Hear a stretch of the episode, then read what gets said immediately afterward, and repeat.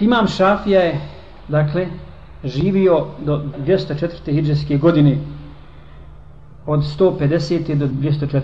Znači, živio je 54 godine.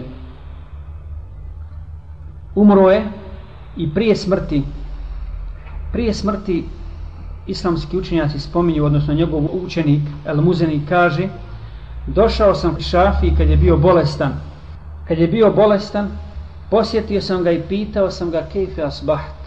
Kako si, kako si osvanuo, kako je tvoje stanje? Kaže mu Šafija osvanuo sam kao putnik sa Dunjaluka.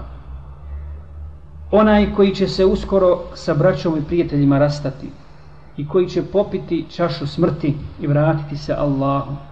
Ja ne znam hoće li moja duša odputovati u džennet gdje će uživati u džennetskim užicima ili će u vatru gdje će iskusiti kaznu.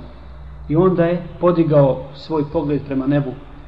Dugo je plakao i molio Allaha Đelešanovu za oprost govoreći pošto mi je srce skoro prestalo da kuca i približio se odlazak moj učinio sam da mi nada u tvoju milost gospodaru bude jedini oslonac opterećuje me veličina mojih grijeha pogledajte na samrti šta govori šafin gospodaru opterećuje me težina i veličina mojih grijeha. Ali kad je uporedim sa veličinom tvoje milosti uvijek prevagne tvoja milost.